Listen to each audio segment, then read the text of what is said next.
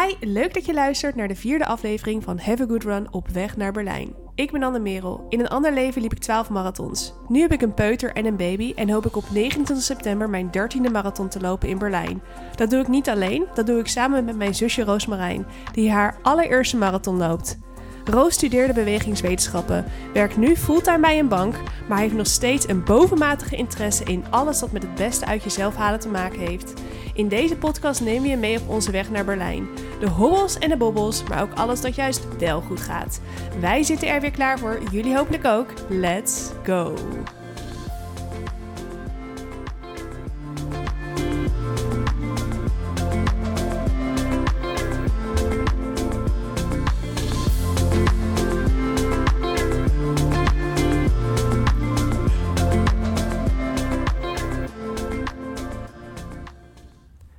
Goedemorgen Roos, zit je weer tegenover me? Goedemorgen. Ja, eindelijk weer eens fysiek. In drie weken tijd. Ja, Drie weken. Die tijd is echt snel gegaan. het wordt aflevering 4 alweer. Wow, Wow. niet normaal. Ja. Heb je al hard gelopen? Vandaag? Nee. Ja. Het is, eh, ik was eh, om kwart voor tien de deur al uit, dus ik had geen tijd eh, om mijn duurloop te doen. Nou, jij appte mij dus terwijl ik aan het hardlopen was, precies toen er een piepje ging. Alleen daardoor was ik dus vergeten rust te nemen. Oei. En toen moest ik twee intervallen achter elkaar doen. Dat was niet heel erg handig, maar ehm, ja, ik heb dus wel hard gelopen. Nou, hoe ging het? Ehm, nou, beter dan verwacht. Maar daar komen we nog wel op terug waarom het beter ging dan verwacht. Maar ehm, ja, 20 minuutjes gelopen, 10 minuten easy en daarna ehm 8 keer 30 seconden op eh, wat harder tempo. En 45 seconden rust. Easy dribbel, dribbel, easy. En dat bedoel ik echt easy, easy, easy, Mhm, easy, easy, ja. easy. Zeg, Gewoon veel- boven de 600. ja, rust nou nog hard. Nou, wel boven de 600 inderdaad. Maar gewoon ook rustiger dan ik mijn easy duurloop Ja. zou doen, zeg maar. Ja. bijna stilstaan. Ja, die ken ik. Ja, die ken je. Goed, ehm, excuses voor het slechte geluid van de afgelopen weken. We zijn er nog niet, steeds niet achter hoe het precies eh, gebeurd is. Dat Roos een stuk minder goed hoorbaar is. Maar voordat, totdat we het hebben uitgevogeld, ehm, gaan we gewoon fysiek afspreken, Roos. Ja, moet maar hè? Ik weet niet waar we de tijd vandaag gaan halen, maar het is wel gezellig, Ja, toch? Dus Zeker. spreken we elkaar gewoon fysiek. Ga ik naar jou, kom jij naar mij. We wonen allebei in Den Haag. Eh, jij hebt alleen geen fiets. En ik heb ehm, wel een fiets, maar vaak geen zin om te fietsen. Je kan ook met de bus, heb ik Hey, ik heb trouwens nog een wielrenfiets in de kelder staan. Wil je die hebben? Nee. nee. Oh, dat heb ik echt een blauwe maandag gedaan eh, in coronatijd. Ik denk dat ik twee of drie keer op die fiets heb gezeten. En ik vind het echt zo eng. Die bandjes zijn echt... Ik vind het ook doodeng. En als je mij op een normale fiets ziet, dan snap je dat ik nooit op een wielrenfiets moet laten we gaan meteen zitten. beginnen met een anekdote. Ik ging een keer met Roos een ehm, duurloop doen. Of nee, Roos en papa gingen een duurloop doen. En ik wist waar ze waren, omdat volgens mij hadden ze zoek mijn vrienden aanstaan of zo. Dus ik had net mijn duurloop gedaan. Toen ben ik op mijn fiets gesprongen. En toen ben ik ze gaan opzoeken met mijn telefoon in de hand. Op zoek waar zij waren op dat moment. Zij waren toen ongeveer halverwege. En toen eh, ging ik ernaast fietsen. En eh, zij waren echt best wel verrast. Want ja, ik woonde niet eens bij meer thuis. Nee, Eh, ik ook niet, maar ik was gewoon... Jij was bij, bij papa en mama. Jij was met papa een duurloop aan het doen. En ik dacht, ik had net 25 kilometer gelopen. En ik dacht, ik fiets er even naartoe. En dan loop ik met ze mee. Of dan fiets ik met ze mee. En toen, jij had 20 gelopen. En je moest nog ongeveer een kilometer naar huis. Maar jij stond erop om te stoppen. Want je wilde niet al die halve marathon Nee, gelopen. natuurlijk. Je wilde niet al die halve marathon gelopen hebben in je, eh, in je training. Dus jij ging wandelen. Toen dacht ik, nou oké, ga jij dan maar op de fiets. Dan ren ik wel naar huis. Maakt mij het uit. Dus ik gaf jou die fiets en ik liep zelf met papa mee naar huis. En ik denk, waar blijft Roos nou? Waar blijft Roos nou? Jij durfde dus niet op mijn normale stadsfiets. Omdat hij iets te hoog was of zo. Dat zadel stond echt 20 centimeter te hoog voor mij. We zijn even lang. Eh, maar hij stond echt veel Jouw te hoog. benen zijn gewoon nog langer dan mijn benen. En jij durfde niet op mijn fiets. Ja, ik kon niet goed met mijn voet bij de grond. En ik moest dan opstappen zonder dat er een voet aan de grond stond. En error, ik kon het niet. Weet je hoe dat komt? Papa en mama, jij bent de derde. En papa Ja. waren een beetje vergeten dat ze jou moesten leren fietsen. Dus volgens mij kon je dan niet eens fietsen toen je zes was. Ik heb inderdaad in groep 3 leren fietsen. En ik ben er nooit meer bovenop gekomen. Dus nee, ik denk dat die wielrenfiets inderdaad ook niks voor jou is. Maar daar gaat de podcast niet over. het gaat over hardlopen gelukkig. Ja, en specifiek vandaag over Voeding. Ja. Het zijn leukste wat er is, eten. Ja, alleen ik denk dat wij zeg maar over. Je hebt natuurlijk voeding en eten. Ik denk Ja, dat ik niet zo heel goed ben in voeding. Ik denk dat ik wel heel goed ben in eten. Maar Maar. ik, ben, ik vind zelf dat sinds ik een paar kleine veranderingen heb gedaan in mijn eetpatroon, Ja. dat ik me wel een stuk beter voel, ook tijdens mijn runs en mijn herstel een stuk beter gaat. Oké, dus dit is jouw wetenschappelijke conclusie van twee weken ja, want, gezond eten. Ja, ja gezond één persoon haakjes. is natuurlijk een hele grote En groep. Eh, ja, en is één. maar wel twee weken.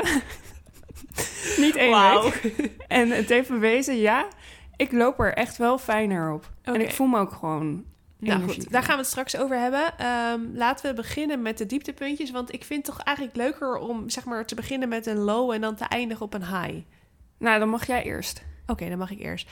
Nou, ehm, ik eh, zat er al een tijdje tegenaan te hikken. Maar afgelopen maandag was het toch echt feest. Ik, eh, mijn verkoudheid veranderde in een, een lichte griep. Oei. Eh, een beetje, ik had niet echt koorts, 37,5, 37,6. En ik was, maar ik was wel een beetje rillerig en mijn vingers deden ook een beetje pijn. Dus ik wist eigenlijk wel dat hardlopen niet het allerslimste was. Maar je kent me, klein beetje eigenwijs. En toen ik eenmaal was opgestaan, toen ging het eigenlijk wel weer wat beter. Ik voelde me wel weer redelijk fit. Ik had geen pijnstillers genomen, want ik dacht als ik nu pijnstillers neem, dan voel ik me sowieso beter. En dan ga ik Mhm. mezelf, dan denk ik, dan ga ik over mijn eigen grenzen heen. Ehm, nou ja, dus rond het middaguur dacht ik, weet je wat, ik ga gewoon lekker hardlopen. Ehm, ik had al twee, dagen, twee keer achter elkaar een duurloop gedaan, dus dat wilde ik sowieso niet doen. Maar ik wilde ook niet de vijf kilometer tempo's doen, want dat leek me dan weer net iets te veel van het goede. Dus ik dacht, weet je wat, ik ga gewoon die, ehm, die training met lange tempo's doen, 40 minuten. En dan ga ik me niet echt aan die tempo's houden. Ik ga gewoon easy. Gewoon, ik gewoon gevoel, gewoon een beetje tempowisseling. Dat ik niet weer exact hetzelfde heb als de laatste twee trainingen. Maar gewoon wel een beetje tempowisselingen. Maar niet dat ik te diep in mijn ademhaling ga en zo. Dus nou ja, 40 minuten, 10 minuten easy. Ging best wel lekker. 15 minuten marathon tempo. Ik voelde wel iets van een steek in mijn buik, bovenin mijn buik. Ik wist niet precies waar die vandaan kwam. Ik dacht, ja, het zal wel. 10 minuten easy, daarna weer kon ik weer lekker herstellen. Ehm vijf minuten, 10 kilometer tempo. Nou, ging gewoon weer iets harder. Uiteindelijk bleek dat ik eigenlijk precies op het juiste tempo gelopen heb, zonder mijn horloge te Wauw. kijken.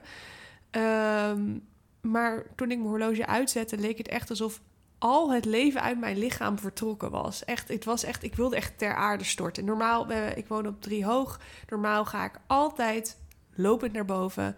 Ehm, dit keer, ik kon niet anders dan de lift pakken. Ik kwam thuis.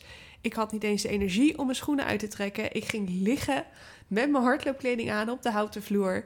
En ik kon niet meer opstaan. Ik was zo kapot. Alsof echt gewoon alle energie, alsof ik mijn laatste energie in die 40 minuten had gestoken. Ik was zo kapot. Ehm, ja, en toen kreeg ik ook 38 graden. Ja, dat is niet, nog steeds niet echt koorts, maar normaal heb ik 36,8. Dus het is wel sowieso een teken dat je lichaam het net iets zwaarder heeft. En die spierpijn werd alleen maar erger. En ik dacht echt, waarom heb je nou toch hard gelopen? Je weet dat het niet heel slim was. Maar ik had een neckcheck gedaan. De neckcheck is als je zeg maar boven je, boven je nek... Ja, maar je temperatuur zit onder je nek, eh, Anne. Ja, maar 37,5, 37,6 is geen Ja, maar het is verhoogd. Het is Ja, wel ik, hoger dan weet ik, normaal. maar ik had, bij die neckcheck stond ook koorts boven de 38 graden. Ik had geen koorts boven de 38 graden. Maar ik voelde wel die spierpijn. Maar die had, negeerde ik. Dus inderdaad, ja, oké. Die spierpijn had ik niet moeten negeren. Ehm, maar goed, ehm, ja, dat... eh, En toen kon je twee dagen niet hardlopen. Toen kon ik twee dagen niet hardlopen. En dat, weet je wat ik nou zo eh, stom vind? Ehm, dat ik dus gewoon dat heel erg vind. Dat ik dat eigenlijk dat niet kunnen hardlopen erger vind dan dat ik me niet lekker voel. Want als ik me niet lekker voel, neem ik gewoon wat paracetamol en dan voel ik me weer beter. Of in ieder geval iets beter. Behalve dan als je echt ziek bent natuurlijk. Maar het ergste vond ik dus dat ik niet kon hardlopen. Ja, ik, ik begin je te snappen. Ja, en ik zei dat dus tegen mama. En ik, ik dacht, mama begrijpt dit echt niet. En die denkt echt, waar, wat zit je nou weer te zeuren? En zei ze, papa heeft dus precies hetzelfde. Ja, nou ja, ik begin ook echt tegen Tuur, verslaafd te En raken. Tuur zei, ik heb precies hetzelfde. ik denk dat heel veel hardlopers dit misschien wel zullen herkennen. Ik had het nooit. Ik uh, vond ook altijd als ik één keer stopte met hardlopen een paar dagen, dan vond ik het altijd super lastig om weer te beginnen. Ik kon het gewoon niet. Dan stopte ik gewoon meteen weer maanden, Ja. jaar, uh, whatever. Maar nu, ik kon het niet verkroppen dat ik maandag dan zou lopen en dan pas donderdag weer zou kunnen, want ik heb woensdag kantoordag. En ik had ook een etentje met mijn team uh, die avond. Dus het ging sowieso niet lukken om woensdag nog te lopen. Ja, of je moest om vier uur s'nachts. Ja, nou ja, zo laat was ik niet thuis, maar... Nee, nee was ochtend, ochtends. Nee, ja, nee, dat, ja, precies. Werd hem niet, dus... Ik heb voor het eerst in mijn leven twee keer, twee dagen achter elkaar een training gedaan, omdat ik het niet kon verkroppen dat ik twee dagen niet zou hardlopen. Komt hier ook meteen jouw dieptepunt aan? Of? Nee. Nee? Oh, nou wow. ja, ik wilde dus eigenlijk zeggen, ik kan wel een dieptepunt gaan verzinnen. Je hebt geen dieptepunt? Maar eigenlijk ja, ik moet nog wel één training dus zo na deze podcast gaan doen. Uh, Oeh, mijn lange duurloop. Ik zou wilde zeggen, klop hem even af, maar dat zullen de mensen die nee. de podcast luisteren niet heel leuk vinden. Ik klop hem in... Uh, Voorzichtig. Ja. Op je houten been. Ja.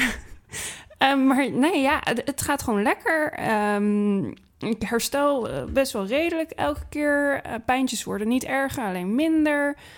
Um, tempo's haal ik altijd met gemak. Um, ja, ik heb eigenlijk niks te klagen. Wauw. Ja, Jij? ja, ik. Wauw. Nou goed, ik heb dus uh, 48 uur flink last gehad van die, uh, van die soort van pseudogriep. Ik heb zelfs een test gedaan mm. uh, met COVID, griep AB en RS-virus.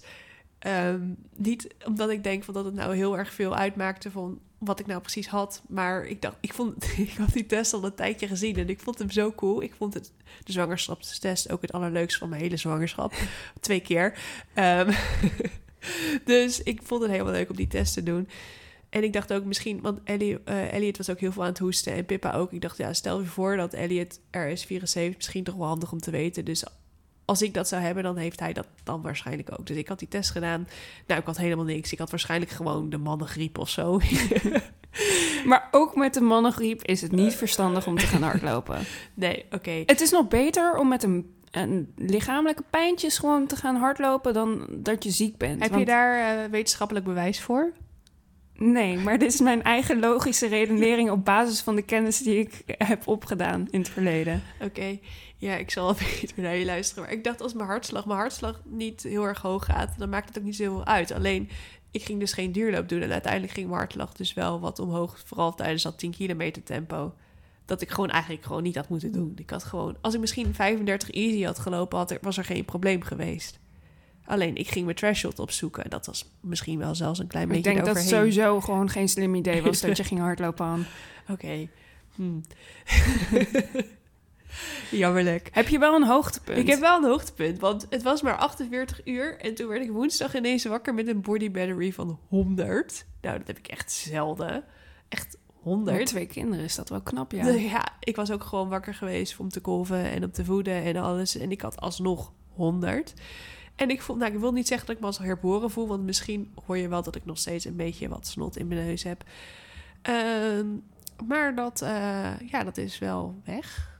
Zeg maar, als in de, de griepsverschijnselen. Maar dus, dat is je hoogtepunt, dat je griep snel weg was. Nee, nee, oké. Okay. Dus ik mocht woensdag weer hardlopen. Donderdag. Dat was donderdag. Dat, oh, sorry, dat was donderdag. Woensdag was het nog allemaal... Blah.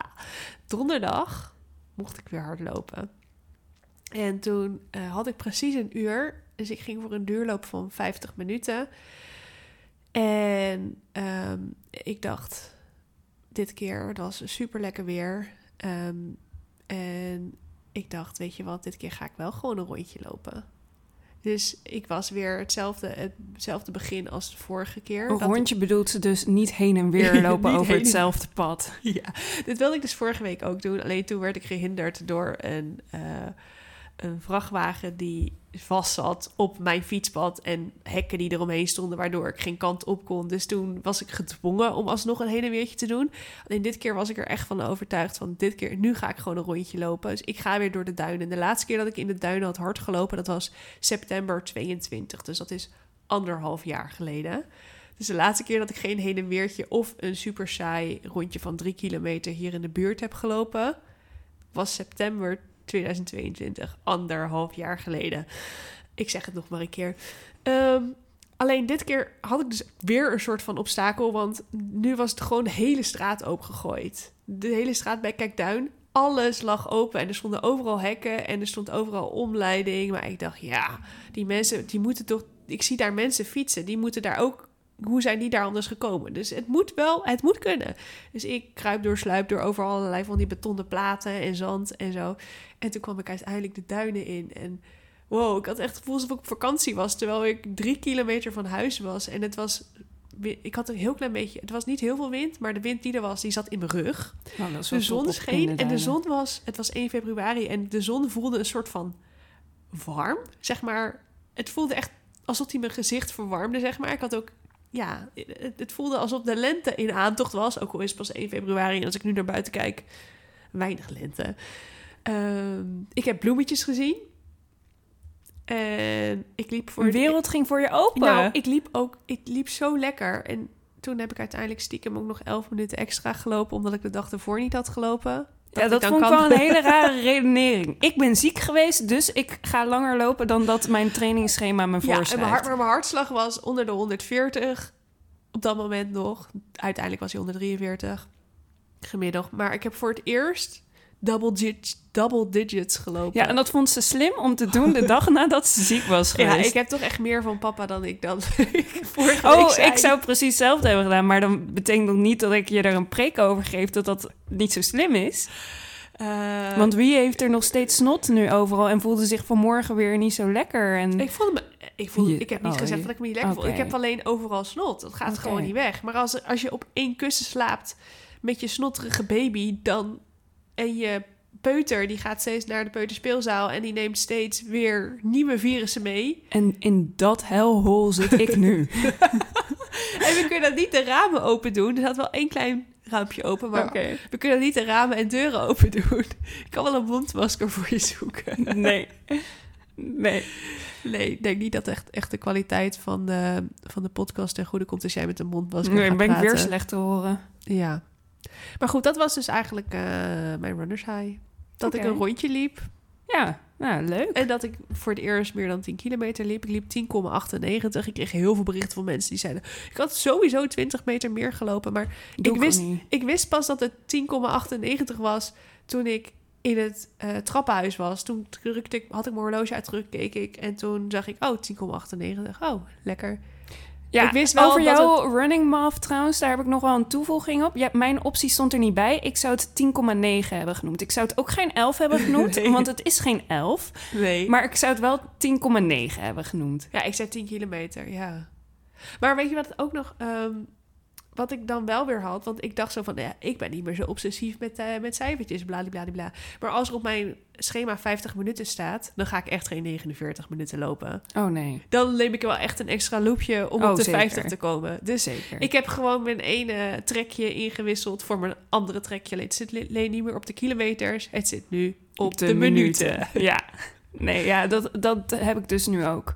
Ja, Ik eh, zit ook heel scherp op de minuten. Ik ga er niet onder zitten. Maar boven mag altijd wel. Ja, maar ik, ik probeer wel altijd in te houden, want anders ben ik bang dat ik jou weer op mijn dak krijg. Oh, ja. ik te veel eh, en te enthousiast en te hard en Ja. bla bla bla aan het lopen ben. Dus ik doe nooit te ver, maar stiekem een secondje hier, een secondje daar. ja, bij elkaar telt het toch lekker op, hè, die secondes.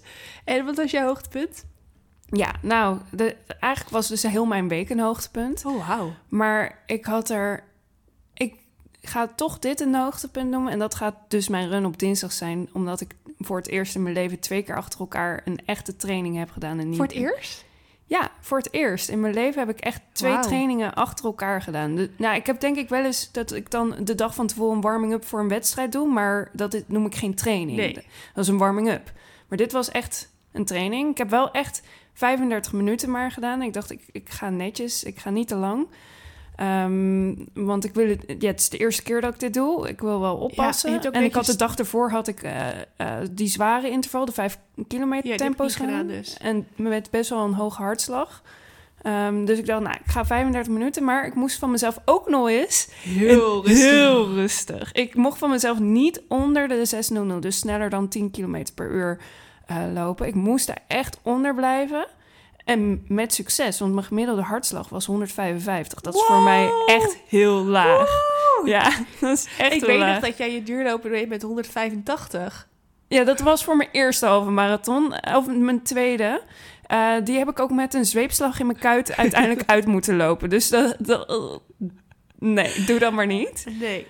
Eh, maar ja, ik was wel heel trots op mezelf dat het me lukte om zo laag... eh, ja, lage hartslag en laag tempo te lopen. Omdat ik altijd zeg, oh, dat lukt me niet. Want dan loop ik heel inefficiënt en bla, bla, bla. En hoe voelde je je na afloop? Ja, alsof ik niks had gedaan. Maar dat is best wel lekker, toch? Dat je, soort Ja. van, je hebt wel in je hoofd heb je energie gekregen, maar Mhm. je lichaam is niet energie Ja, ik had daarna nog wel echt gewoon energie. En daarnaast, als je de training insteekt met... ik heb het goed gedaan als ik echt heel langzaam en heel rustig heb... eh, met een lage hartslag heb gelopen... dan heb je achteraf nog steeds het gevoel... alsof je je training super goed hebt gedaan. Ja. Ook al is het niet het tempo of iets wat je normaal loopt. Nee, je, hebt gewoon, je kan gewoon een krulletje zetten, Ja, zeg maar. ja, een tien. plakken. Ja, Met een griffel. ja. Dus het was misschien niet mijn leukste en meest enerverende run... maar omdat ik wel eh, blij ben met het resultaat... en hoe ik het heb gedaan, is het toch mijn runner's high. En nou, dat eh, vind ik eh, zeker een runners high waar, wa- wa- waard. Ehm, donderdag heb je ook nog getraind? Ja, dat was een marathon tempo. Oh, ging die? Ja, er waren echt superveel meisjes aan het hardlopen op Maandag. Meisjes? Me- meiden, vrouwen. Maar waren geen mannen? Eh, er was ook op een gegeven moment wel een hardloopgroep, maar het waren vooral vrouwen op dat moment. En ik dacht, zijn dit de volgers van Annemeel? I don't know.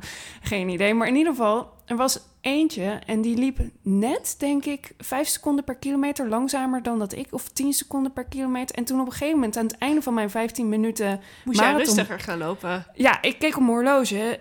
Ik, ik, ga, ik loop te snel. Maar ik naderde haar op zo'n punt dat ik dacht... shit, of ik moet nu echt mijn tempo gaan... eh, heel erg naar beneden schroeven... of ik ga er op zo'n heel awkward tempo... net iets sneller zo voorbij inhalen. Nou, dat was voor mij allebei geen optie. Dus ik heb mijn tempo juist verhoogd... en heb haar inderdaad ingehaald. En eh, vervolgens eh, heb ik mijn marathon tempo misschien iets te hoog... Wat was het dan?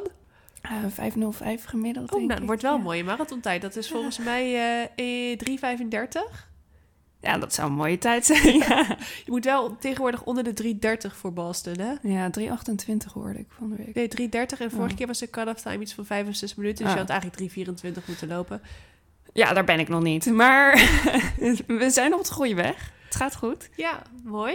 En vandaag ga je dan nog de duurloop doen. Ja, 50 minuten duurloop. En ga je dan weer zo op zo'n rustig tempo lopen? Of ga je dan wel Ik ga wel proberen om 6-0 niet, nou, rond de 6.00 te lopen. Maar ik denk niet zo extreem langzaam als... eh, want dat moet, was echt wel geforceerd langzaam. Maar ik wil Ja. daar wel naar die lage... Je ging op een andere manier ja, lopen. Ja, echt heel anders. Ik moest mezelf... Ik ben ook echt naar het Malieveld we- weer gegaan... omdat ik wist, daar kan ik eh, mezelf dwingen om langzaam te lopen. Maar nu ga ik gewoon ook een Ja. rondje er- ergens lopen. En dan eh, vind ik het lastiger om continu mezelf zo te dwingen... omdat je ook met het verkeer rekening moet Ja. houden... en andere mensen en fietsers, weet ik. Ja, Merk je ook dat als je op zo'n rondje loopt... dat je eigenlijk veel be- beter tempogevoel hebt?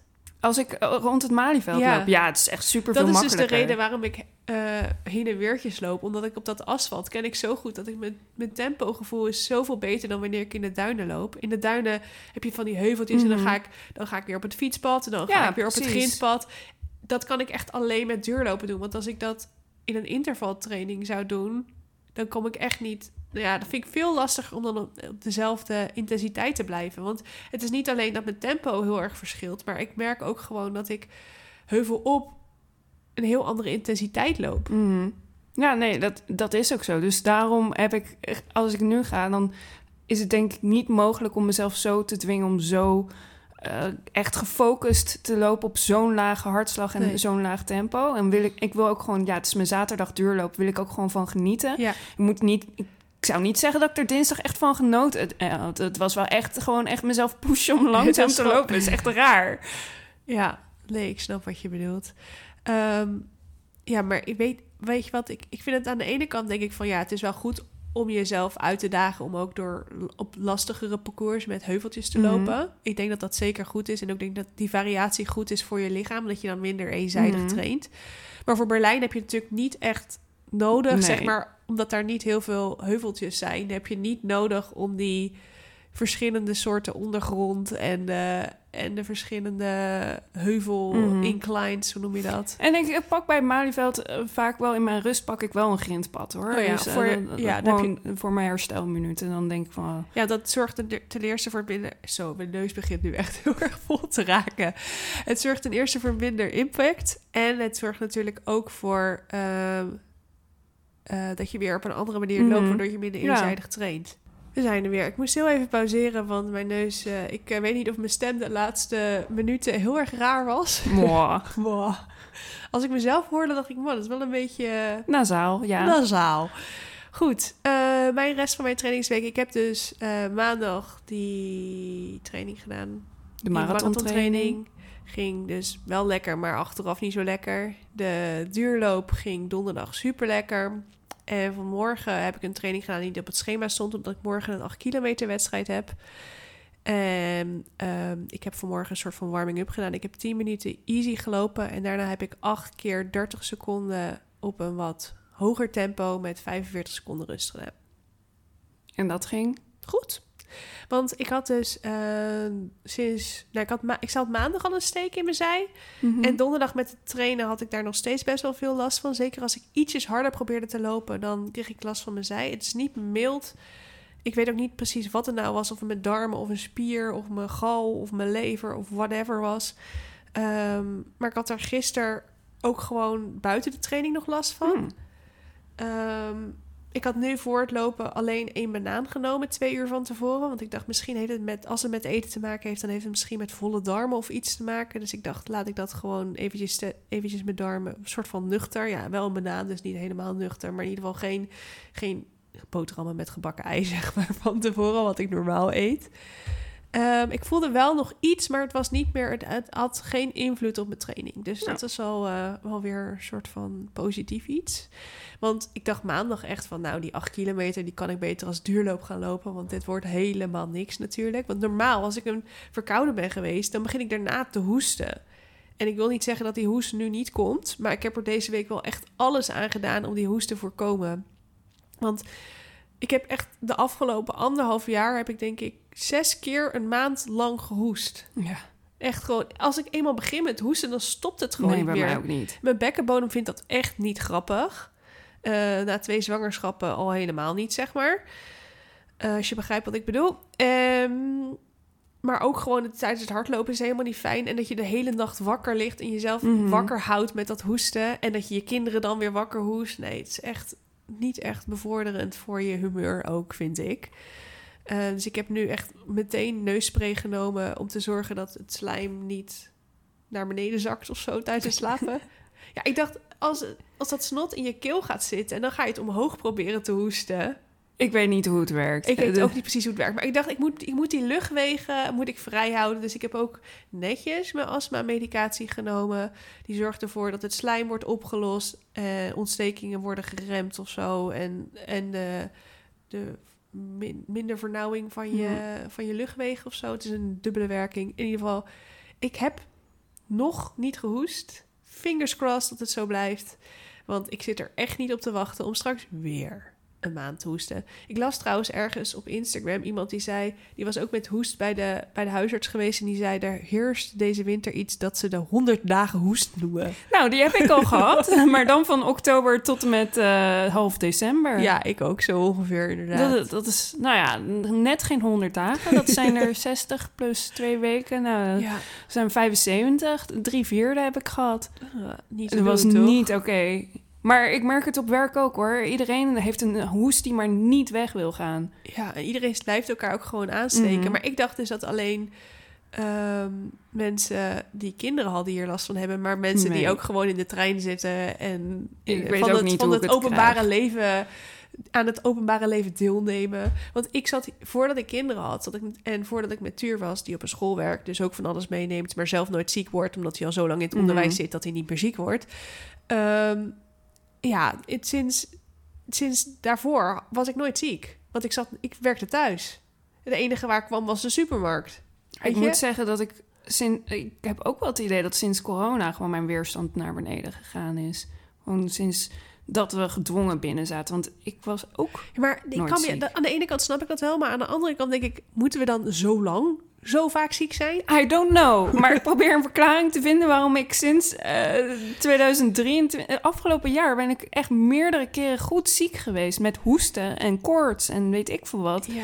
En geen corona. En wat is het dan wel? Waarom moet ik ziek ja, zijn? je kunt zo'n test doen. Ja, dat heb ik gedaan. Ook met van nee, die drie oh nee, dingen. ja, die vind ik wel leuk. Dat, eh, de Jij vindt dat ook interessant, hè? Ja, Ja. data. Data, inderdaad.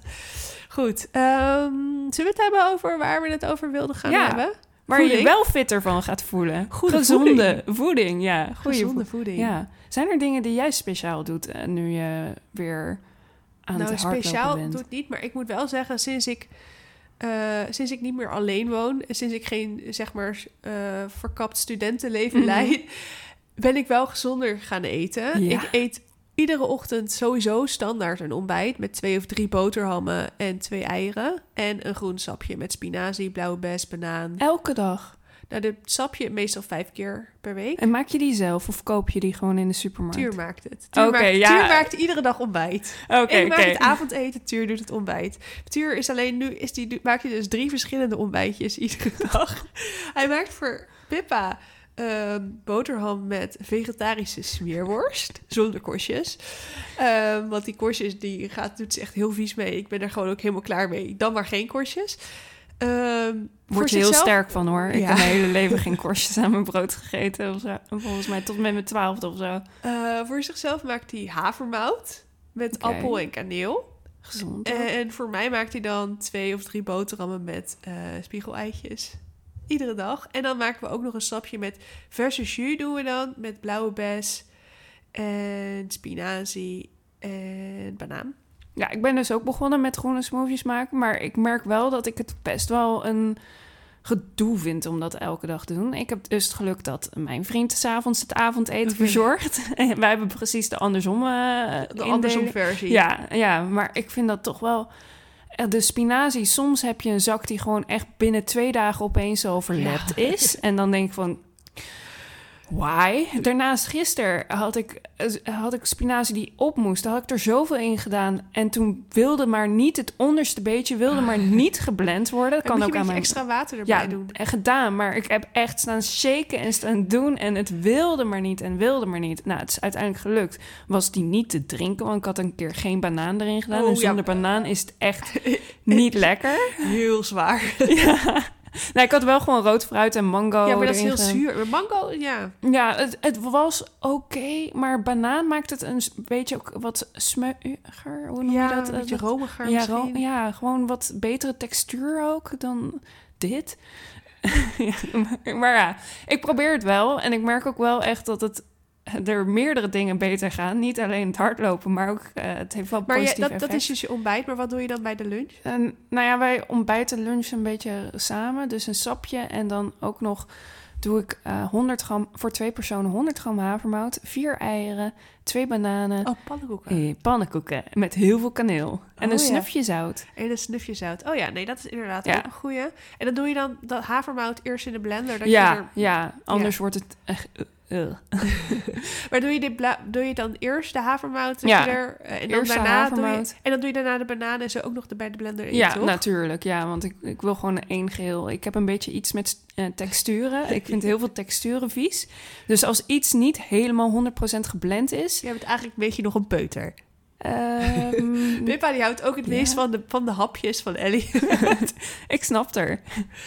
ja, Maar ja, dat is ook best gezond, vind Ja. ik. Dat is ook echt wel echt een goede bodem voor hardlopen. Dus dat ga ik zo maken Ja. voordat ik ga hardlopen. ik heb met alleen het enige wat ik heb is mijn lunch is niet altijd even. Ik heb niet altijd genoeg in huis. Ik heb een Ja, hele dat tijd, probleem heb ik dus ook. En daarom heb ik het maar gecombineerd als ontbijtlunch. Ja, ik heb dus heel lang heb ik eh, van de zomer mozzarella met tomaat op Oh, mijn brood lekker. gegeten. Super lekker. Alleen op een gegeven moment, na drie of vier maanden dat iedere dag gegeten te hebben, was ik een beetje zat. Ja. En toen is er niet echt iets voor in de plaats gekomen. Niet echt mijn, weet je, ik kan wel dingen afwisselen, maar ik ben gewoon veel beter als ik gewoon iedere dag hetzelfde eet. Ik want ook. Het is zoveel makkelijker. Ik kan niet nadenken, ik Dus plannen. Ik maak af en toe maak ik pompoensoep, af en toe Dat is ook haal ik- lekker. ja, dat is super lekker. Doe ik gewoon een beetje pompoen met dat tijm eh, in de oven. En dan eh, doe ik een paar teentjes knoflook. Ik doe er wat parmezaan doorheen. Altijd parmezaan, parmezaan. Door de soep. Ja, doe gewoon dan nog wel in de blender. Oh, Daarna- ja, dat snap ik, maar... Dat maakt, ja, dat maakt wat, Oh, wat, dat geeft het wat extra Mijn smaak. pompoensoep is echt heel anders dan die van jou. En eh, mama vond hem trouwens ook wel lekker. Ik heb het zelf bedacht. Het is mijn eigen Oh. recept. Ehm, ik zal hem wel in de show notes zetten. Eh Roos, kijk ik, doe, nou ja, ik, ik, ik, ik doe het niet in de oven. Ik doe gewoon eh, ui, knoflook in de pan, een beetje aanbakken. Dan pompoen, eh, heel veel pompoen. En dan een, een winterpeen er ook nog bij. Oh ja. Dat een beetje aanbakken. Wel een kleine stukjes natuurlijk. Eh, Ja. Dan water erbij. ehm bouillonblokjes. Kruiden erin. En dan met zo'n blend, Staafmix. staafmixer. Nou, ik doe het gewoon een half uur in de oven. Met ook lekker olijfolie er nog op. En dan doe ik het daarna in de blender. Dan hoef ik er niet naar te kijken. Dan doe ik het gewoon allemaal in één keer erin. Dan hoef ik het niet te roeren Ah. of zo. Ik vind dat heel lekker. Ja, oké. Ja, maar het- ik vind de- het meer werk. ik juist niet. Want ik hoef niet bij de pan te blijven staan te roeren. Door... Maar die pan is echt binnen een kwartier gewoon klaar. Ja, maar heb je dan wel echt helemaal dat die... die want nu, de pompoen krijgt wel echt veel smaak als je het in de oven hebt gedaan. Ja, oh, ik doe ook nog eh, kokosmelk. Eh, zo'n, Oh, eh, ik, gewoon, zo'n, ik gewoon normale room. ja, nee, ik- ik vind dat kokos vind ik wel lekker. Ja, maar goed, ik heb dus wel eens pompoensoep, ik heb wel eens erwtensoep, ik heb wel eens huttenkezen, maar ik heb nooit echt, zeg maar, ik heb geen echt routine erin. Dus ik heb soms dan, heb- eet ik dus zes boterhammen met roomboter. Dat is wel lekker, met een Het beetje wel- zout ja, eroverheen. ik heb zo'n speciale roomboter, eh, Franse roomboter met Mm. zeezout. Die is super lekker, maar ja, zes boterhammen met roomboter is natuurlijk niet echt super voedend of zo. Nee, maar wel goed om op hard, hard te lopen, denk ik. Ja, misschien wel. Ik heb er nooit echt heel veel problemen mee gehad. En avondeten is wel tegenwoordig bijna altijd wel groente. Met, zeg maar, groente. Ook gewoon pasta natuurlijk. Maar ook gewoon dat er groente in de pasta zit. Dus dat Oh. ik niet alleen eh, pasta carbonara heb of zo. Maar dat je echt gewoon een lasagne hebt met daarin spinazie en aubergine. En risotto met paddenstoel en met venkel en dat soort dingen. Ja. En dan moet Ja. ik alleen voor Pip vaak wel de venkel eruit halen, want die eet dat anders. Dan wordt alles uitgespuugd. Ah, Als zij wel één ding proeft wat ze niet lekker vindt, dan is gelijk het hele eten afgekeurd. Ja, dat snap ik. dat heb ik ook. Dus ik pureer heel vaak voor haar de groente en dan doe ik het er nog een beetje zo doorheen, zeg maar. Dan Ja. heeft ze niet door. Want als ze dan een stukje venkel proeft... Nou, ik ga het niet eens voordoen hoe ze dat doet... want dan schrikken jullie helemaal dood als ik dat in de microfoon voor ga doen. Maar jullie kunnen er misschien iets bij voorstellen... hoe een peuter reageert als er iets in haar eten zit... wat niet getolereerd wordt. Ehm, ja, dus dat. En tussendoor eet ik dus... Eet ik dus... Is niet zeg maar dat ik dan voeding neem... maar dan eet ik gewoon een heel pak koekjes op een Ja, dag. maar jij geeft aan twee kinderen nog steeds bord, borstvoeding Ja, ongeveer. dat is dat. Dus het, ik kan het qua calorieën zeker hebben. Maar al die suiker is natuurlijk niet super duper gezond voor je lichaam. Ja, maar suikers ga je wel goed op hardlopen. Ja, maar denk je niet dat het beter zou zijn, bijvoorbeeld om gezonde suikers te eten? Alleen ik kom dus niet aan de calorieën om gezond. Nee, Ik- dat vind ik Ik ook weet lastig. gewoon niet hoe dat moet. Hoe ik gezond 4000 calorieën op een dag moet eten. Dus dat vind ik ook heel lastig om meer calorieën binnen te krijgen, wat ook nog gezond is. Dus ik eet dan maar ongezonde dingen. ook. Ja, dus ik Ja. vul het dus. Ik eet dus wel meestal wel drie goede maaltijden op een dag. Maar ik vul het aan met meuk. Oeh, noten zou wel goed voor jou Nee, zijn. daar ben ik Oh. allergisch voor. Noten, dat- dat, doe ik ook nog wel vaak als snack. Dat is wel... Ja, Er zitten echt veel meer calorieën in dan... Dan heb je zo'n zielig handje en dan is dat al eh, echt een paar honderd calorieën. en ik ben dus ook allergisch voor heel veel soorten fruit. Dus dat kan ik ook niet als tussendoortje nemen. Maar fruit zit ook echt helemaal niks qua calorieën in. En fruitsuikers, ja, is dat nou echt... nou, ik denk te dat, veel een- is ik denk ook dat een niet goed, appel echt hoor. wel beter is dan een, dan een koekje. Ja, oké. Dus ja, eigenlijk zou ik gewoon dingen als bananen, een heel bananenbrood moeten eten iedere dag. Maar ja, ga jij maar eens iedere dag een heel bananenbrood staan bakken en dan weer ook helemaal opeten. Ja, dat, daar, daar heb ik ook geen tijd voor. Nee. Nee, nee. De bakker van, bij ons heeft wel eh, bananenbrood gemaakt van speldmeel. En ziet er heel gezond en lekker uit. Maar ja, ik ga toch niet iedere dag voor 10 euro zo'n bananenbrood Ja, er kopen? zit waarschijnlijk ook nog suiker in gewoon. Ja, dat sowieso natuurlijk wel. Maar het zal licht beter dan dat pak koekjes dat ik nu de hele Ja, iedere. Sinds september eet ik of een heel zakje kruidnootjes of een heel pak koekjes per dag. Wie heeft de tip voor Anne-Merel hoe ze gezond aan haar calorieën op een makkelijke manier kan komen? Ja, waar ze niet dus allergisch voor is. dus- Dus, geen noten, geen ja, ik heb fruit, dus geen... nu jij raadde mij een paar weken geleden dat Wife aan. Mhm. En ze hadden mij toen ook op benaderd voor een samenwerking. Dus ik ben het toen toch gaan testen. En het helpt wel een beetje om vol te zitten. Alleen eigenlijk zou ik dus dan ook drie van die maaltijden op een dag extra moeten nemen. Om zeg maar aan mijn calorieën Ja. te komen. Maar drie van die maaltijden op een dag is ook gewoon best wel veel geld. Ja, is het ook. Dus ja, en ik heb dus al meerdere pogingen gedaan om borstvoeding af te gaan bouwen. Maar ik zal jou zo'n video van Pippa laten zien die gisteren geen melk kreeg. Maar dat is echt gewoon... Ik heb echt een melkmonster gecreëerd. echt een monster. Ze is echt verslaafd aan jouw melk. ja, ze wil echt... Ze drinkt echt een liter van mijn melk per dag. en Elliot drinkt ook een liter. Dus ja, Je moet elke dag twee liter. ja, Oh my god. ja. Dat Dat, is veel. is heel veel. Ik drink, ik drink dus ook gewoon zelf vier liter op een dag. Want anders dan droog ik uit. Ja, nee, dat snap ik. Ja. Ik heb dus ook nog een ander ochtendritueel qua voeding, drinken. En ik, ik ben benieuwd. Ik heb dus zelf hier geen research naar gedaan of dit nou echt zo is of niet. Maar ik heb bij anderen gezien dat dit heel goed zou moeten zijn. Ik drink dus elke ochtend een glas water met citroen erin. Oké, ja. Zou dat heb ik ge- vroeger ook gedaan. Ja, zou gezond moeten zijn. I don't know of het echt zo is. Ik volg eh, mensen op Instagram die allemaal wetenschappelijk bewijs ervoor hebben. Maar ik weet niet, de een bewijs zegt dat wel goed is en het ander niet. Nou ja, Ja. story of eh Maar wetenschappelijk als het voor jou goed voelt, waarom niet? Kan het Ja, het is wel geen lekker. kwaad? En je hebt meteen 's ochtends een glas water binnen. Neem je het met een rietje? Ja, soms. Maar Ik heb namelijk als ik, tanden, ja, maar als ja. ik citroen drink, dan krijg ik gelijk, dan voel ik dat wel. Ja, ik voel dat niet. Maar en daarnaast doe ik tegenwoordig cacao in mijn echt een goede eh Eetlepel? theelepel. Thee- ja, thee- Theelepel.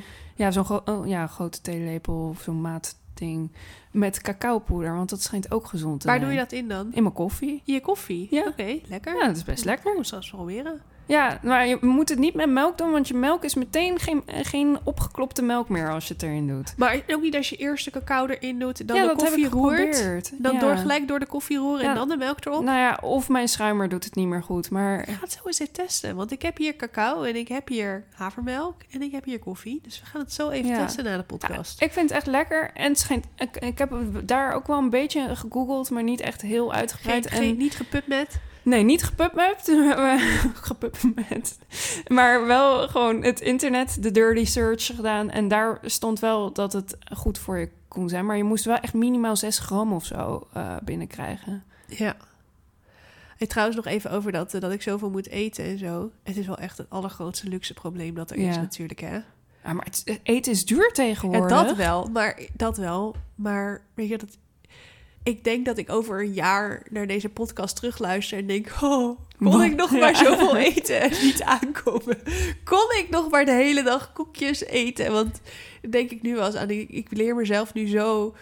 Ik heb nu totaal geen grenzen qua eten... maar dat kan ik natuurlijk niet mijn hele leven volhouden. En ik kan ook niet mijn hele leven borstvoeding blijven geven. Ik denk dat Pippa op een gegeven moment ook wel op een leeftijd komt... dat ze begrijpt dat dingen niet kunnen. Ik weet niet hoe lang dat duurt voordat mijn peuter dingen gaat, nee gaat begrijpen, zeg maar. Want nu zit ze gewoon echt, mama kolven, mama melk maken. Ik zeg, er is geen melk. Mama kolven, mama melk maken. En dan bijt ze echt zo naar mijn borst. Dus ze snapt wel hoe het werkt. Ja, ze snapt hoe het werkt. Alleen ze denkt dat het een soort van onuitputtelijke Ja, kraan is of zo. nou ja, dat blijft het ook als jij zoveel... eh, Nou, het is niet onuitputtelijk. Maar weet je dat ik van de zomer maakte ik 3,5 liter. Oh mijn god. 3,5 liter. Toen ben ik wel echt een beetje gaan afbouwen, want dat was wel echt veel te veel. Want ik kon het ook gewoon, nou ja, nu doe dat zoveel dronk Pippa toen niet en Ellie het ook niet. En mijn vriezer lag helemaal vol en ik moest het iedere keer weggooien en ik dacht echt, ja, dit is ook zonde. En het kostte mij natuurlijk ook best wel veel energie. ja, Ehm, dus toen ben ik wel iets minder gaan kolven. Maar toen ik bij, van Filippa... Bij, bij Filippa heb ik 14 maanden gekolfd. Mhm. En na zes maanden ben ik overgegaan op twee keer kolven per dag. En ik zit nu ook op zes maanden. En ik doe nog vijf keer per dag. Ja, en dus ook één keer elke een, s'nachts. Ja, Ja, maar maar dat geen ik- enkele nacht dat je gewoon door kan slapen. Nee, maar Elit is toch wakker, dus dan doe ik het dan gewoon. En weet je, anders dan moet ik het dus overdag doen met twee kinderen. En dan, ik vind het s'nachts niet leuk, maar ik vind het overdag, dan ben je net bezig en denk je, oh, moet weer kolven. En dan moet je dus weer al je kleding en dan eronder zo doen. En als je onderweg bent, is het ook helemaal niet handig Nee. om te kolven. Want ik heb nu al bedacht op de wintersport ga ik dus gewoon ook nog steeds s'nachts. En dan hoef ik maar één keer overdag te kolven, zeg maar, dat ik de deur uit ben. Gewoon Hmm. s'nachts, s ochtends bij het wakker worden, dan bij de lunch. En dan na, na het skiën om rond een uurtje vijf, zes. En dan voor het En dan slapen. voor het slapen. Dan red ik het ook. Dus dan is... Maar als je Het natuurlijk... is wel echt plannen. Het is wel, ja, tuurlijk, het is super plannen, maar met kinderen is sowieso alles plannen. Maar het is ook met plannen, met, met morgen moet ik dus die wedstrijd, wil ik die wedstrijd lopen. En dan moet ik ook wel echt precies gaan plannen dat ik dan in het uur voor de wedstrijd nog ergens een uurtje, vi- eh 10 minuten, 12 minuten vind om te kolven. Want anders dan, Ga tijdens de wedstrijd je borst op een gegeven weet moment... je, ja, weet je dat ze bij de New York Marathon hebben ze nu, eh, hadden ze afgelopen jaar uh, kolf stations Mm. along the course. Dus dan werden de kolven, werden, kon je dan bij het begin inleveren. Ja. En dan werd het gewoon vervoerd Oh, naar meerdere punten. Dus dan kon je tijdens de marathon kon je kolven. Nou, ik denk niet dat ik, Ik mijn wel, tijd, er, eh, tijd ervoor had opgeofferd, zeg maar, om te gaan kolven tijdens de wedstrijd. Maar ook gewoon dat er lactation stations waren voor de wedstrijd. Dus dat je niet eh, in een hoekje ergens op een veld eh, met je kolf zit te eh, kloten.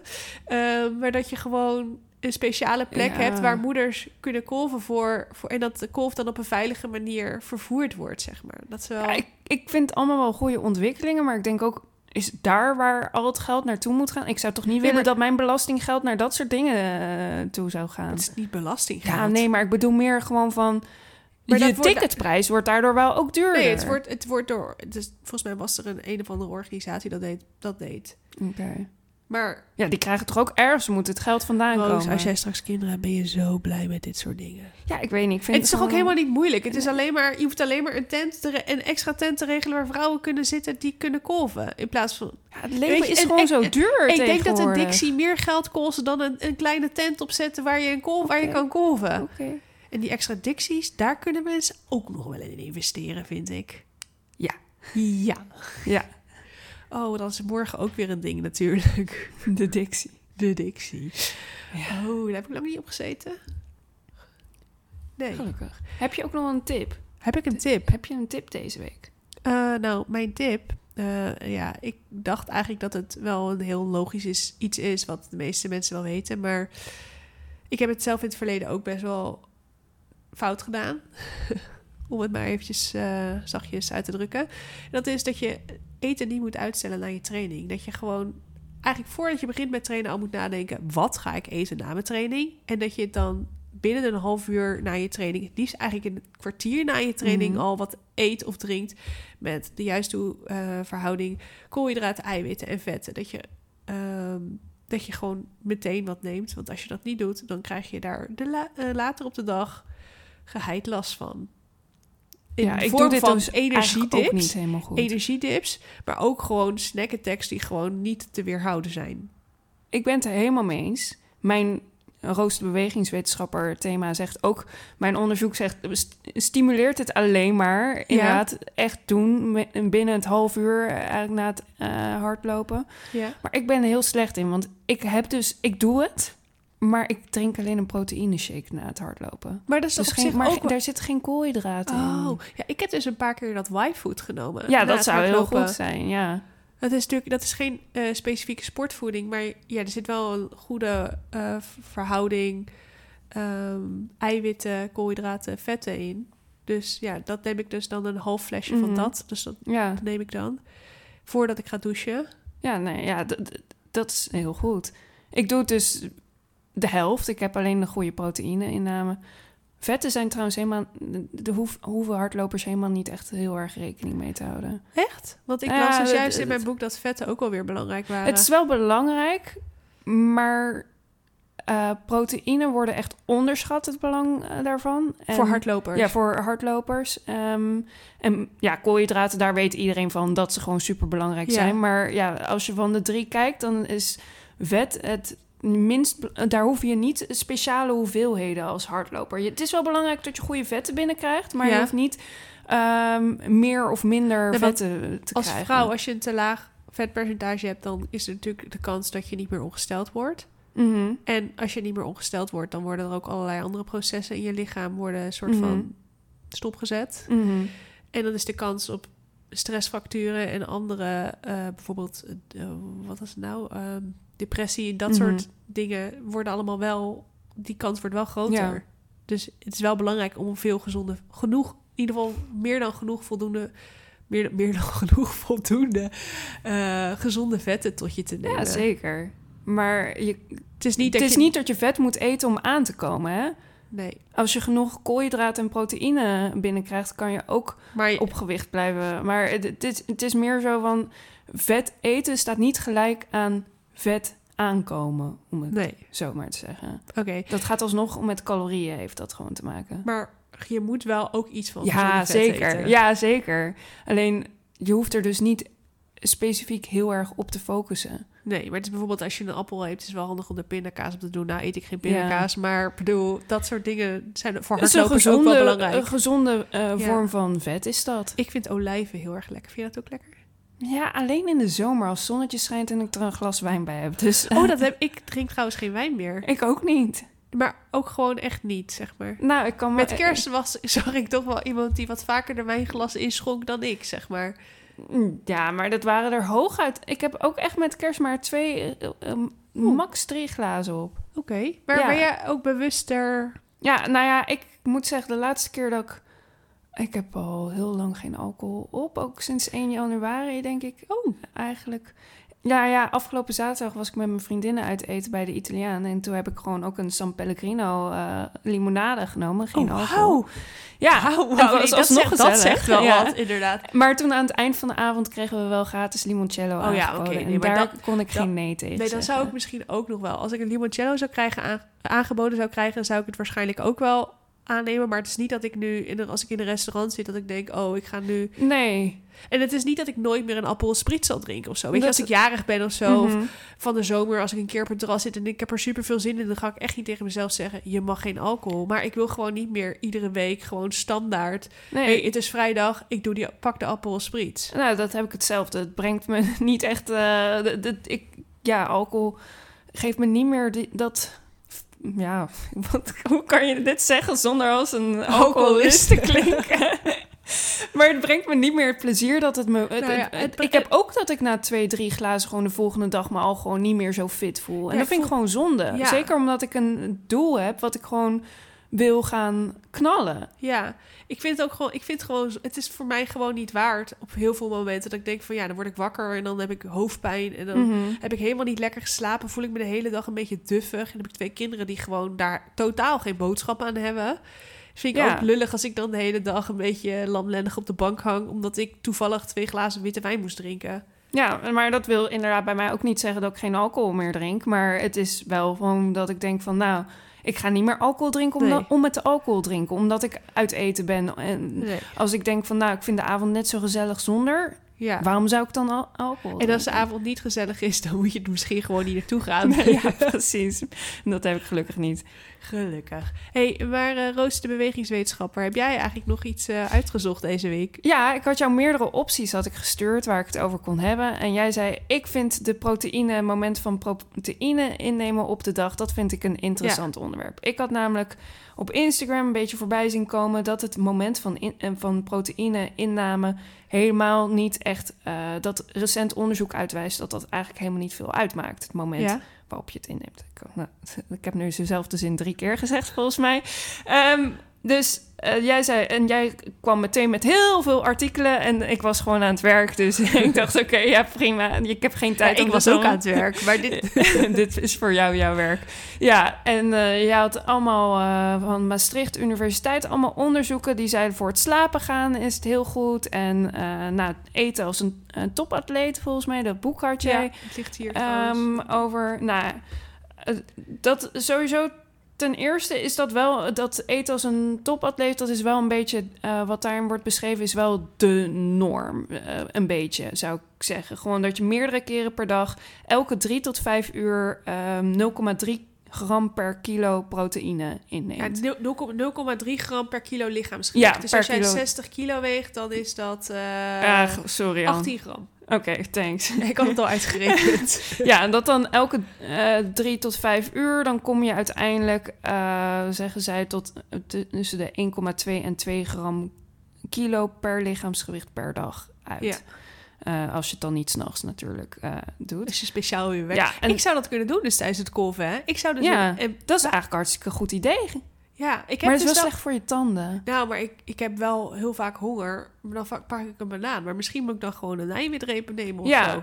Nou ja, dit, dit zou dus eh, het optimale resultaat geven voor juist ook voor duursporters. Oké. Deze, eh, dit is dus niet. Ik heb heel veel onderzoek is er natuurlijk gedaan voor eh, ja, mensen die echt gewichten en weer tegen weerstand trainen. Ja, en, maar ook bij, juist bij oude mensen die ja, bedledig zijn. dat, dat is ook echt heel veel onderzocht. En, eh, maar dat zijn wij niet. Wij zijn hele jonge, fitte mensen. Die, Bijna een master hebben en ik. Bijna 35. Ja, nou ja, in ieder geval, dat is een beetje de norm, de basis. Ehm, en dan zijn er heel veel onderzoeken afgelopen jaar ook nog echt geweest... waar ze eh, bij topsporters, en vooral ook bij professioneel eh, wielrenners... hebben ze getest van, hey, wat gebeurt er nou als we nog meer proteïne voor het, sla- eh, voor het slapen gaan... voor een training, voor, na een training...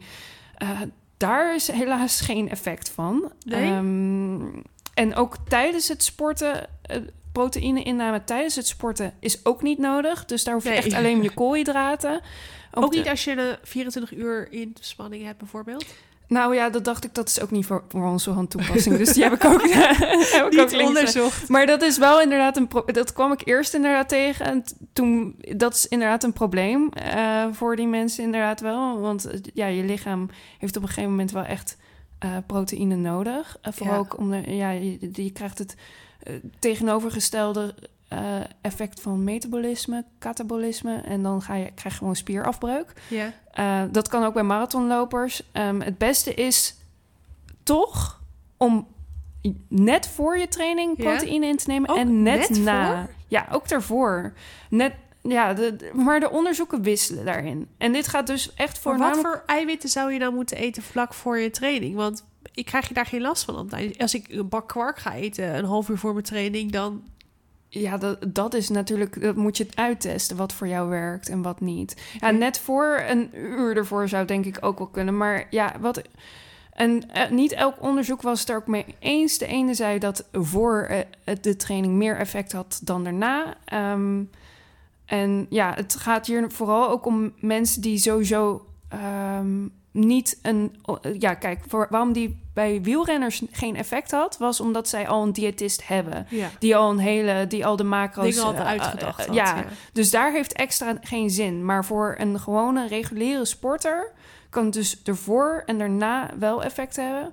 Dat voor het slapen gaan, voor Ja. de herstel, daar heb ik echt heel veel wisselende dingen over gelezen. Echt heel veel. Ehm, de een zegt van wel, de ander zegt van niet.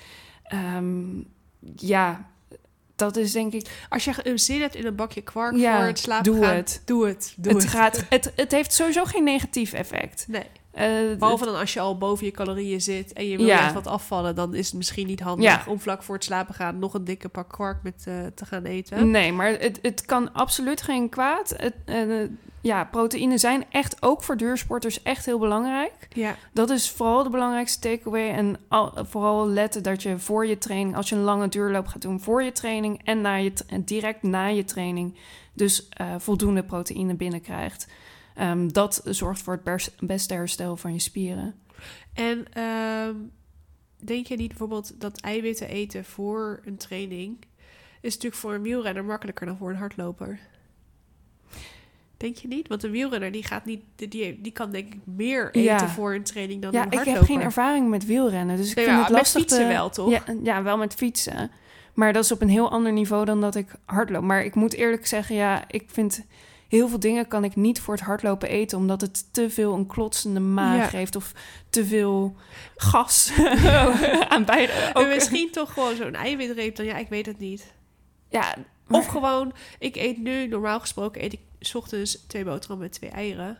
Dat je dat gewoon, dat voor je training doet. ja, dat, Als je, dan, dat, als je dat bijvoorbeeld om acht uur neemt en dat je dan om negen uur gaat hardlopen. Het, ik kan het wel tegenwoordig. ja, ik, ik weet niet. in eieren zitten niet zo heel veel proteïne als van- mensen denken. 8 gram of zo? Ja, per ei. Dus en als je twee eieren het hebt, 16 eigeel gram. zitten heel veel vetten wel ook in. Het beste wat je dan denk ik kan doen... is om er nog een extra eiwit er dan bij te doen. Oh ja. Maar wat doe je dan met al die eigeel? Ja, weggooien blijkbaar, hè? Zonde. Ja. Oh, bewaren voor de pasta carbonara. Ja. Dat is een goeie. Oké, gaan we dat doen. En was dat je verhaal? Ja, ik denk het. eh, ik vind het nog steeds echt. De onderzoeken. Er zijn echt genoeg onderzoeken hierover te vinden. Ehm, Maar gewoon geen eenduidig... nee, eh, er is gewoon geen eenduidig antwoord. En dan sommige mensen doen alsof ze het antwoord hebben. Maar dan Ja. denk ik ook weer van ja, een ander onderzoek wordt ook weer tegengesproken. Dus Ja. ja. Maar voeding is natuurlijk ook gewoon, weet je, het menselijk lichaam. Het is geen, we zijn geen robot. Het is niet, je drukt op een knopje Nee. en het werkt precies zo, zeg maar. Nee, Dus het lijkt me ook wel heel lastig Maar om dat te onderzoeken. is wel heel belangrijk. Het is wel, voeding is heel belangrijk. Ja. Ja. En jij merkt dus na twee weken gezond eten dat je, dat je Ja. meer energie hebt. Ja, ik vind echt dat mijn. Ik herstel gewoon een geen- stuk beter. Je hebt geen dieptepunt gehad deze week. Nee, Dat is al mijn trainingen al, gaan eh, gewoon goed. Omdat ik, ja, ik Nou, let dus niet- op mijn ja. extra prote Ik drink elke dag een proteïne shake. Ik drink bijna elke dag een spinazie smoothie. En ik probeer er ook nog wel wat andere groenten erbij te eten. Wat eet je s'avonds dan? Ja, laten we het daar maar niet over hebben. Dat is een Ja, hele andere podcast. Peter die kookt. Ik weet niet wat hij kookt. Nou ja, hij wil dus niet. Hij gaat niet zo goed op heel veel koolhydraten. Ik wel. Oh. Dus we zitten nu in de tweestrijd. Moeten we elke avond apart, eh, zeg maar... Hij heeft geen zin om elke avond twee verschillende maaltijden te koken. Nee. Niet zoals Stuur die drie pannen op het vuur heeft. Nee, ja. om half acht. Nee, ja. Half zeven. Want ik wil graag pasta. Hij Ja. wil graag burgers en wraps en Oh. dingen. En dat vind ik af en toe lekker. Maar ik wil de meeste dagen pasta. Ja. Misschien moet, je, moet ik je een lasagne recept geven met nee, hij houdt niet van aubergine. Daar gaat het mis. Oh, oké. Is de enige Ja, maar die kan je voor jezelf maken. Die gooi je hem gewoon in dan doe je hem gewoon. Maar dat vind maak- ik niet zo gezellig. Als ik ergens moeite in stop, dan wil ik ook dat de Ja, maar dan maak je hem gewoon drie keer. Dan gooi je hem dan in de vriezer en, of in de koelkast. En dan af en toe doe je er eentje in de oven. Dan heb je je eigen Ik pasta. vind dat niet gezellig. Nee, het is ook niet gezellig. Maar ja, je kunt ook niet jouw vriend ineens in een, in een Ja, pasta dus vanavond kook ik, heb ik gezegd. Maar ja, nu heb ik weekend. Normaal gesproken, ik ben klaar met werken. Dan ga ik of hardlopen of ik ga meteen op de bank zitten en ik kom er gewoon niet meer vanaf. Nee, ja, kan ik ook iets bij voorstellen. Ik eh, moest gisteren koken met kijkers. Oh, dat was ook wel eh, heftig. Want Pippa wilde dus melk. ik wil melk. En terwijl ik probeerde lasagne te maken. Nou, dat was echt wel... En, en Ellie die zat alleen maar... Wauw, wauw, wauw, wauw, wauw, wauw. Die wilde eigenlijk ook wel melk, maar dat kon hij nog niet zeggen. dus ik kolven twee huilende... Nou, één huilende kind, huilend kind, één wauw, wauw, wauw, wauw, wauw, wauw, wauw. En ik lasagne proberen te maken en zorgen dat er... En Tuur was aan het entertainen, of... Nee, Tuur was op zijn werk. Oh. Die was pas om half zeven thuis. Oh, je, oh, de kijkers waren je kinderen. De, de, de kijkers waren mijn kinderen inderdaad. Oh, ik dacht dat je visite had of zo voor het avondeten. Nee, nee, de kijkers die hadden me wel kunnen helpen. Met de kinderen Ja. bijvoorbeeld. Ik Nee. dacht al, maar hoe gaat dit? Hoe werkt dit? Nee, nee, nee, de kijkers waren mijn kinderen. Ja. Die zat op tafel in zijn wipstoel en Pippa die zat op het aanrecht. En ik, Komt ze daar zelf op? nee, daar heb ik er neergezet. Maar omdat ze heel... Oh, ik wil opgedeeld worden, ik wil opgedeeld worden. Zo ik mijn knoflook probeerde te snijden. Dat werkte natuurlijk niet Nee. helemaal. Dat is Goed. gevaarlijk. Laten we het hebben over eh, het einde van deze podcast. Want daar zijn we inmiddels beland. Ik wil nog wel even een, alvast een sneak preview geven waar jij ook weer niks van weet. Oh, wauw. Doe jij wel eens een warming up of cooling down voor je om hardlopen? Warming up wel. Cooling down iets minder vaak. Hoezo? Laten we het daar volgende week verder over hebben. Ga jij daar onderzoek naar doen? Ja. Oké, dan ga ik mijn eh, een tip van Flip bedenken die eh, hier bij dit onderwerp past. En mijn ervaringen dus eventjes verzamelen in mijn hoofd. Zodat Ik ik, dat benieuwd. allemaal kan delen met jullie. Eh, hopelijk waren we dit keer beter te verstaan. Het moet bijna wel, toch? Ja, gaan we vanuit. Oké. En als we het probleem niet hebben opgelost met de virtuele... Dan zie ik je volgende week zie ik gewoon je weer. volgende week gewoon weer. Oh mijn god, mag ik weer tegen jouw vro- vrolijke hoofd aankijken. Dankjewel voor het luisteren. En tot volgende week. Have a Have good a run. good... Oh, sorry. Ik heb hem nu helemaal verpest. Have a good run. Oh shit, nu moeten we helemaal opnieuw opnemen. Have a good run.